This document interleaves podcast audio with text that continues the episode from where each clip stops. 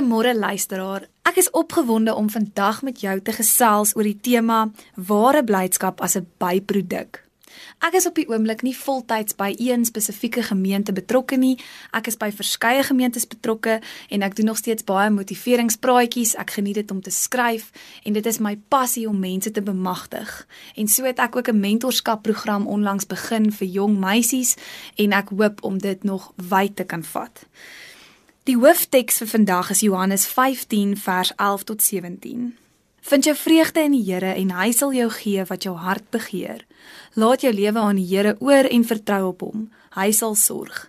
Dit was Psalm 37 vers 4 tot 5.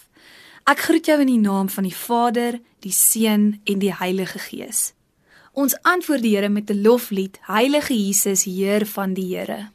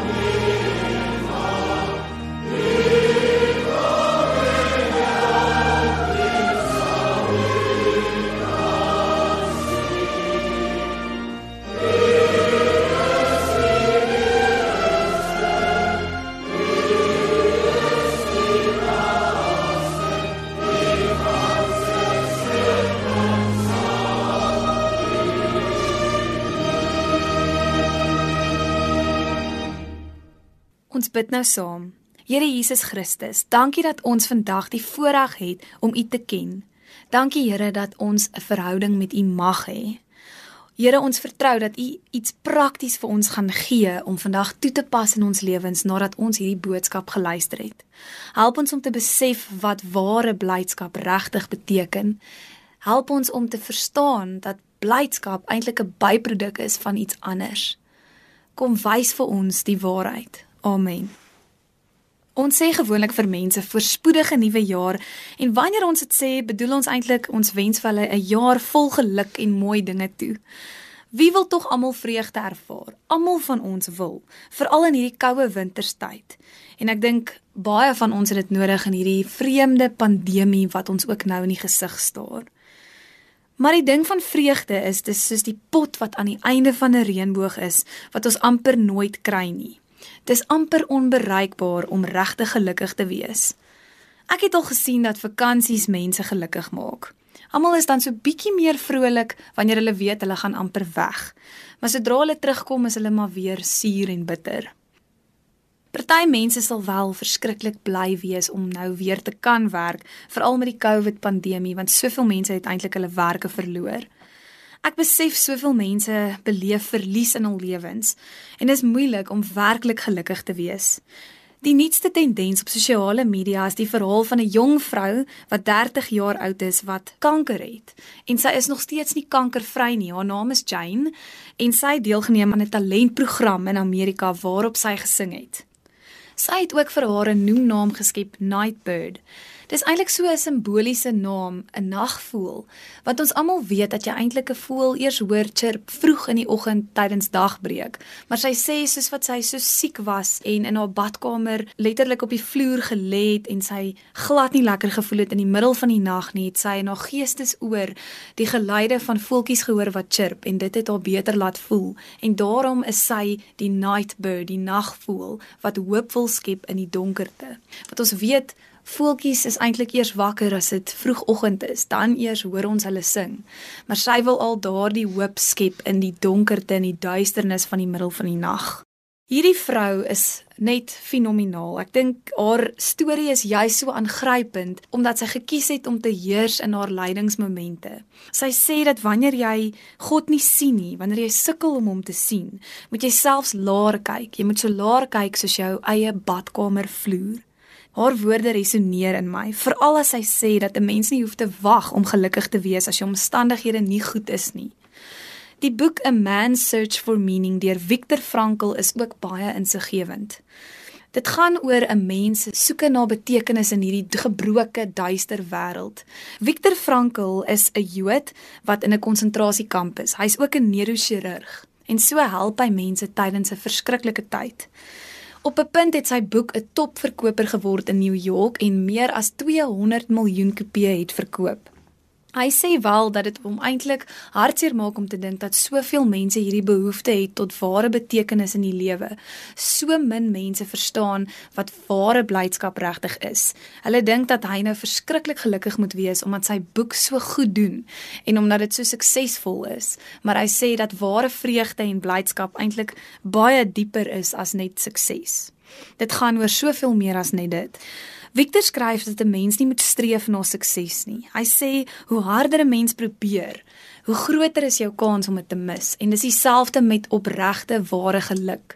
Dis asof soveel mense dit so graag wil hê en hulle mis dit net eenvoudig. Ware blydskap en sukses is iets wat 'n byproduk of 'n neeweffek is van iets wat groter is as jouself. 'n Mens moet juis ophou om die heeltyd daaraan te dink. Anders sal jy dit net eenvoudig nie kry nie. Jy sal sien dit sal van self volg as jy fokus op die regte dinge. Nou Jesus vertel ook van ons 'n hele paar wyshede wat ook vir ons sal sin maak as ons kyk na die tema van ware blydskap as 'n byproduk of 'n neeweffek. In Johannes 17 vers 13 lees ons: "Maar nou kom ek na u toe en ek sê dit terwyl ek nog in die wêreld is, sodat hulle my blydskap in al sy volheid in hulle kan hê." Met ander woorde, die volheid van Jesus se blydskap is moontlik en dit is verkrygbaar vir my en jou. Ek en jy kan hierdie volheid van God se blydskap hê. Dit is nie vir ons onmoontlik nie. Dit maak my positief om daaraan te dink. Johannes 15 vers 11 tot 17. Dit sê ek vir julle sodat my blydskap in julle kan wees en julle blydskap volkome kan wees. Dit is my opdrag. Julle moet mekaar lief hê soos ek julle liefhet. Niemand het groter liefde as dit nie, dat hy sy lewe vir sy vriende aflê. Julle is my vriende as julle doen wat ek julle beveel. Ek noem julle nie meer ondergeskiktes nie, want 'n ondergeskikte weet nie wat sy baas doen nie. Nee, ek noem julle vriende, omdat ek alles wat ek van my Vader gehoor het aan julle bekend gemaak het. Julle het my nie uitgekies nie, maar ek het julle uitgekies en julle aangestel om uit te gaan en vrugte te dra, vrugte wat sal hou. So sal die Vader aan julle gee wat julle ook al in my naam vra. Dit beveel ek julle, julle moet mekaar lief hê. So as ek en jy iets verstaan van hierdie opdrag wat aan ons gegee word, is die heel belangrikste, grootste opdrag in die Bybel dat ons mekaar moet lief hê. Ons moet eerstens lief wees vir God, ons moet ook lief wees vir onsself en ons moet lief wees vir ons naaste, vir mekaar. Dis die blydskap waarvan Jesus praat. Dis 'n byproduk van iets anders. En dit kan nie weggeneem word deur iets soos jou omstandighede nie. Dit is iets wat volhoubaar is. Dit is nie net tydelik nie. Ons dink dikwels dat ons moet vreugde vind in onsself en dan sal jy jou eie sukses behaal. Maar is nodig om eerder te sien dat dit gaan oor iets groter as jouself. Viktor Frankl het ook die idee van 'n omgekeerde sielkunde. Hy sê gewoonlik is jy so dat as jy heeltyd op iets fokus, dan gaan jy dit nie kry nie. So byvoorbeeld, kom ons sê jy sukkel om in die aand aan die slaap te raak, dan moet jy juis fokus daarop om wakker te bly en dan gaan jy kan slaap. Dis hoe snaaks dit eintlik is. Vreugde werk presies dieselfde. Sodra jy besef dat almal wil 'n huisie by die see hê en almal wil gelukkig wees, maar dit is nie ware blydskap nie en om meer te wil hê is ook nie die antwoord nie, dan sal ware blydskap eintlik volg as 'n byproduk, want liefde is die kern daarvan. Ons almal wil 'n ideale wenresep volg tot ware blydskap. Ons dink dat ons kan met motiveringsboeke, kitsoplossings, geestelike hoogtepunte, tydelike ontsnappingsmetodes en aktiwiteite en al hierdie tipe dinge sukses en geluk verkry. Maar dit is net tydelik. Ons soeke na geluk en plesier is ook die diepste motivering agter elke gedrag. As jy partykeer die mekaar is oor hoekom iemand op 'n sekere manier optree of hoekom hulle doen wat hulle doen, kan jy weet dat hulle wil eintlik maar net gelukkig wees. Dit is iets wat hulle dink hulle gelukkig sal maak. Wat het jy nodig om jou ideale lewe te leef? Dit is nogal 'n moeilike ding om te antwoord want dit verklap soveel van hoe jy jouself, ander en God sien. Paulus het vir my verskriklik baie insig wanneer dit kom oor ware blydskap in die lewe. Ons lees in Filippense 4 vers 4 tot 9: Wees altyd bly in die Here. Ek herhaal, wees bly. Wees inskikkelik teenoor alle mense. Die Here is naby. Moet oor niks besorg wees nie, maar maak in alles julle begeertes deur gebed en smeking en met danksegging aan God bekend en die vrede van God wat alle verstand te bowe gaan sal oor julle harte en gedagtes die wag hou in Christus Jesus. Verder broers, alles wat waar is, alles wat edel is, alles wat reg is, alles wat rein is, alles wat mooi is en alles wat prysenswaardig is, watter deeg of lofwaardige saak daar ook mag wees, daarop moet julle julle gedagtes rig en wat julle van my geleer en ontvang het en gehoor en gesien het, dit moet julle doen en God wat vrede gee sal by julle wees. Hierdie is net 'n verskriklike mooi gedeelte in Filippense en dit inspireer my daagliks om te besef dat Paulus skryf hierdie gedeelte vanuit 'n tronksel. Hy is onseker oor sy toekoms. Hy is teen teen honger en ongemaklik, maar hy kies om nog steeds bly te wees en die Here te loof en te prys. Hy skryf aan sy geloofsgemeenskap en hy gebruik dit as 'n platform vir iets groter as hy self. Hy weet wat dit beteken om ander lief te hê. Ons kan soveel leer by Paulus. Ons kan leer om altyd bly te wees en vreugde en blydskap te kies in alle omstandighede. Hy verduidelik ook vir ons hoe om dit reg te kry. Hy sê ons moet ons gedagtes rig. Jy moet jou gedagtes doelbewus oorgee aan God en fokus op die dinge wat mooi en reg en prysenswaardig is. So dis 'n doelbewuste keuse en besluit. Die mite waarvolgens ons baie keer leef, is dat ek sal gelukkig wees as my omstandighede verander. Dis juis wat Nightbird of Nagvoël of Jane se storie so uniek maak. Die feit dat sy kies om gelukkig te wees, al is daar absoluut geen rede vir haar om regtig gelukkig te wees nie. Al is haar omstandighede eintlik haglik en baie onseker. Ek dink juis dis hoekom soveel mense aanklank vind met haar storie. Dieselfde met Viktor Frankl wat in 'n konsentrasiekamp besig is om ander te dien. Dieselfde in Paulus se geval. Ons dink baie keer dat geluk dieselfde is as plesier. Plesier is daardie emosie wat jy ervaar wanneer 'n sekere begeerte vervul word. So kom ons veronderstel jy's lus vir 'n groot stuk sjokoladekoek of 'n groot stuk biltong of vleis en jy kry dit en jy eet dit, dan voel jy ewe skielik gelukkig. Daardie tipe geluk is egter plesier. En wanneer jy die heeltyd plesier verwar met geluk, dan is jou lewe amper deel van 'n reeks bewegings van een stimulasie na 'n ander stimulasie sodat jy heeltyd plesier kan ervaar. Dit is nie volhoubaar nie en dit is tydelik. Ware geluk is iets wat op 'n hele ander plek gesetel is. Dis 'n toestand om werklik gelukkig te wees. Dis 'n karakter, 'n waarde, 'n ingesteldheid, 'n lewensoriëntasie. Dis 'n diep geloof waarmee jy elke liewe dag leef. En wanneer jy dan by mense kom, aktiveer daar iets binne in jou om te dink, wat kan ek vir iemand anders doen? Wat kan ek gee eerder as om te ontvang? Nog 'n mite waar volgens ons partykeer leef is ons vergelyk onsself met ander. Ons dink as ek eers dit het, sal ek gelukkig wees. Navorsing bewys vir ons dat wanneer jy jouself met minder of meer bevoorregte mense as jy vergelyk, sal dit jou net ongelukkig maak. So fokus eerder op jouself. Moenie jouself met iemand anders vergelyk nie. sien God se hande werk raak in jou lewe. Die volgende mite is dat jy gelukkig sal wees wanneer jy dinge op jou eie manier doen. Ons is ongelukkig die afgelope tyd gedwing om in isolasie te leef. Ons dink dat die wêreld 'n koud en kil en vreemde plek is en dat elkeen moet maar net vir homself of haarself sorg. En dis 'n fout wat jy maak, want jy het tog ander mense nodig.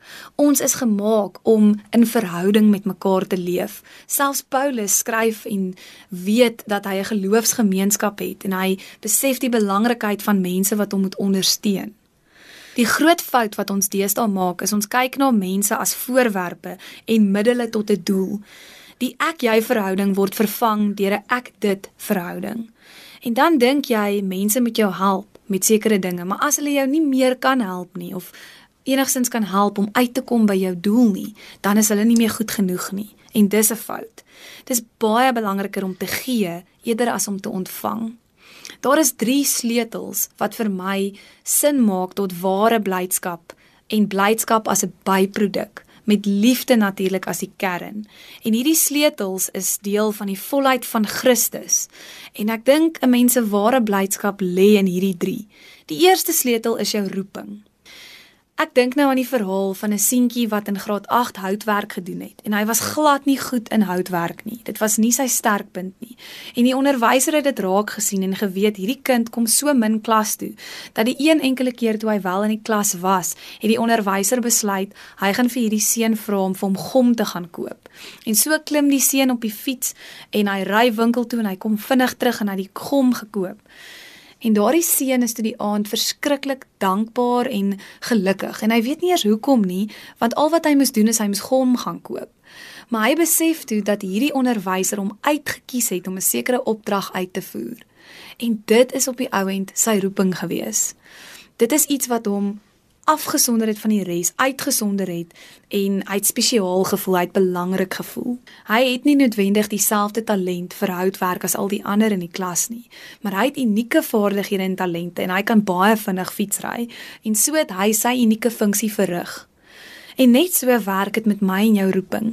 Jou unieke vaardighede en talente. Dit waarmee jy goed is, dit wat vir jou natuurlik kom. Daardie dinge is deel van jou roeping. Moenie dink dat dit te laat is om jou roeping uit te leef nie. God het 'n bepaalde sterkpunt en talent en funksie vir jou gegee en moenie jou talente vergelyk met ander talente nie. Sodra jy leef in jou roeping En onthou, 'n mens se roeping is nie noodwendig soos 'n blou druk vir jou lewe nie. Dit gaan maar net daaroor om dinge te doen vir ander uit liefde wat natuurlik die kern is en so glo ek sal blydskap volg. Die volgende belangrike sleutel tot ware blydskap is liefde op sigself. Viktor Frankl sê dat in daardie tyd wat hy in die konsentrasiekampe was, het hy besef dat die verlossing van die mens lê in liefde. Die gedagte van sy vrou en sy kinders is wat vir hom ware betekenis gegee het in daardie tyd. En dis evangelies want so lief het God die wêreld gehad dat hy sy enigste seun gegee het sodat elkeen wat in hom glo nie verlore kan gaan nie, maar die ewige lewe kan hê. So liefde is maar net die hoofkern van alles. Dis die belangrikste van alles. En wanneer daar liefde in jou hart is, is daar nie ruimte vir haat en onvergewensgesindheid nie. Die hoop van verlossing is die derde belangrike sleutel tot ware blydskap as 'n byproduk.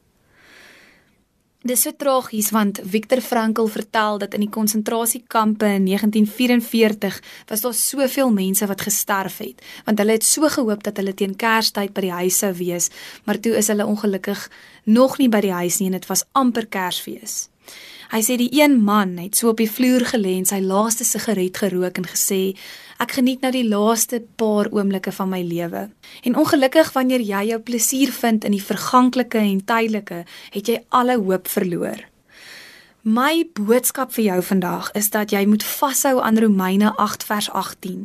Ek is daarvan oortuig dat die lyding wat ons nou moet verduur, nie opweeg teen die heerlikheid wat God vir ons in die toekoms sal laat aanbreek nie. My liewe vriende, dit is so belangrik dat jy besef dat die dood is nie die eindbestemming nie. Daar is 'n lewe hierna. Ons glo in 'n opgestane Here, 'n Here wat opgestaan het uit die dood, wat die dood oorwin het. Die dood is nie 'n tragedie nie. Ja, dit is hartseer, dit is 'n ernstige verlies, maar dit beteken nie dat jy al jou hoop moet verloor nie. So hoe kan 'n mens hierdie boodskap prakties toepas in jou lewe? Wees gelukkig ten spyte van die omstandighede. Probeer om nie jouself met ander te vergelyk nie en besef dat jy nie in totale isolasie moet leef nie en dat jy daar moet wees vir ander en dat hulle ook daar kan wees vir jou. Jy is nie gemaak om heeltemal alleen te wees nie. En besef dat jy nodig het om vas te hou aan Jesus. Soos wat ons lees in Filippense 3 vers 8, al daardie dinge wat eers vir my so belangrik was, is nou vir my minder as niks werd, want Jesus het vir my alles geword. Hy is nou vir my belangriker as alle ander dinge tesame. Waar is jy vandag? Dalk is jy in 'n tronk van verlies, siek wees, 'n besering, eensaamheid, depressie, finansiële krisis, pyn, 'n gebroke hart, 'n verslawing of bekommernis. Paulus se uitnodiging is nou iets wat jy moet aangryp. Draai terug na Jesus. Kies om te laat gaan. Weet dat daar is sekere dinge wat agter jou is vir 'n rede en leef vir die hier en nou. Moenie so toekomsgerig wees dat jy die oomblik van nou mis nie.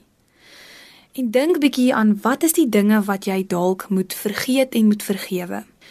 Dalk haak jy vas by die plek van aanvaarding en dink jy jou sonde is dalk te groot vir die Here Maar weet jy, sy genade is meer as genoeg vir jou. Hy ken jou nog voordat jy in jou moeder skoot gevorm is. Hy ken jou beter as wat jy jouself ken. En hy weet dat liefde is jou eintlike hoof DNA. Dit is die kern van alles. Dis waarvan uit jy moet leef op 'n daaglikse basis. Jy kan enigiets probeer nastreef, maar liefde is die eintlike ding wat jou gelukkig gaan maak. So fokus op liefde vir jouself en vir ander en liefde vir God en besef dat hy is die een wat jou eerste liefgehad het. Filippense 3 vers 13 tot 14. Maar een ding doen ek, ek maak my los van wat agter is en ek strek my uit na wat voor is. Ek span my in om by die wenstreep te kom sodat ek die hemelse prys kan behaal waartoe God my geroep het in Christus Jesus. En so hoop en bid en glo en vertrou ek dat jy ware blydskap in jou lewe gaan ervaar en dat jy sal besef dat dit 'n byproduk van liefde is en dat jy sal weet hoe lief God jou het. Mag mense se verhale soos Nightbird en Paulus en Viktor Frankl jou werklik inspireer om te weet, ja, dinge is nie altyd ideaal vir ons nie. Dit is nie altyd 'n maklike lewe nie. Ons leef in 'n gebroke wêreld met gebroke mense, mense met soveel foute. Maar dit is nodig vir my en jou om te leer om te laat gaan en om mense ook te vergewe. Jy is dalk teleurgestel in iemand, jy was dalk al soveel keer te nagekom. Maar is nodig om nog steeds vry te kom hiervan, want hoe meer jy daaraan vashou, hoe meer gaan dit jou benadeel. En dan kan jy nie ware blydskap ten volle ervaar nie. En dan kan jy nie liefde ten volle uitleef nie, want jy hou die hele tyd vas aan hierdie dinge. En hierdie bagasie is uiteindelik so swaar en is 'n las waarmee jy daagliks moet saamleef en saam beweeg. Dit is regtig moontlik vir my en jou om die volheid van die blydskap van Jesus in ons te hê. Glo dit vandag. Kies dit. Vra die Here om jou te help om jou gedagtes te vernuwe om jou te help om doelbewus te fokus op dit wat mooi, edel en reg is En jy sal besef dat jy kan soos Paulus heers in lydingsmomente. In enige omstandighede kan jy blydskap ervaar want jou blydskap is gesetel in God en in sy liefde vir jou. En onthou, hy het jou eerste lief gehad. Dit is iets om voor dankbaar te wees, dit is iets om oor bly te wees, om oor vreugdevol te wees. Ek en jy behoort te fees vier as ons hierdie gedagtes net weer deurgaan en as ons hierdie boodskap net weer hoor van God af. Ek hoop regtig dit kan vir jou 'n verskil maak in jou lewe. Ek ken nie jou pyn nie en ek ken nie jou verhaal nie, maar die Here doen. En jy is nie gemaak om nooit dit met enigiemand te kan deel nie. En die wêreld het jou nodig met jou unieke vaardighede en talente. Daar is 'n definitiewe roeping vir jou lewe. Kies om dit uit te leef in liefde en glo in die hoop van verlossing. Ons worstel dikwels met God en soms is 'n mens kwaad vir God en is jy hartseer en verstaan jy nie sekere dinge in jou lewe nie en voel dit dalk vir jou of die lewe baie onregverdig is. Maar mag jy soos Nightbird aanhou om met hom te kommunikeer. Al is jy partykeer gespanne, al is jy gefrustreerd en al is jy soms moedeloos, moenie ophou om te bid nie. Kom ons bid saam. Here Jesus Christus, dankie dat ons so bevoorreg is dat U ons eerste lief gehad het. Dankie dat U vir ons verlos het van al ons sonde. Dankie dat U soveel hoop vir ons gee in moeilike omstandighede, dat ons weet ons kan aan U vashou in alle tye. Help ons Here om vandag te kies om te gee eerder as om te ontvang om te leer dat ware blydskap 'n byproduk is en dat ons nie geluk met plesier moet verwar nie dat ons moet weet dat om werklik gelukkig te wees is om U te ken en om U liefde daagliks uit te leef. Wys vir ons waar ons nodig is. Wys vir ons wat ons roeping is, Here. Help ons om dit totaal en al uit te leef. Dankie vir soveel voorregte, dankie vir U liefde, dankie vir U genade. Ons loof en prys U naam. Amen. Kom ons sing ten slotte die lied Laat ons sing van ons verlosser en dan dink ons aan hoe groot God se verlossingswerk is.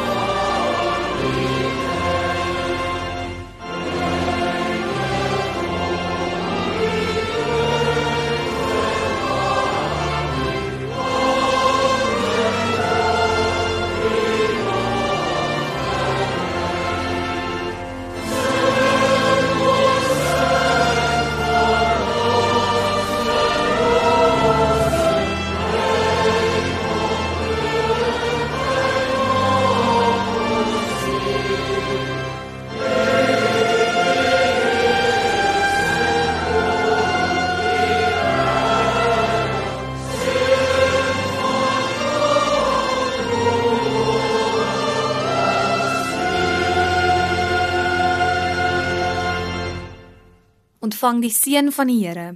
Mag blydskap vir jou 'n byproduk wees van jou roeping, ware liefde en die hoop in Jesus Christus se verlossing. Mag jy gelukkig wees in alle omstandighede. Amen.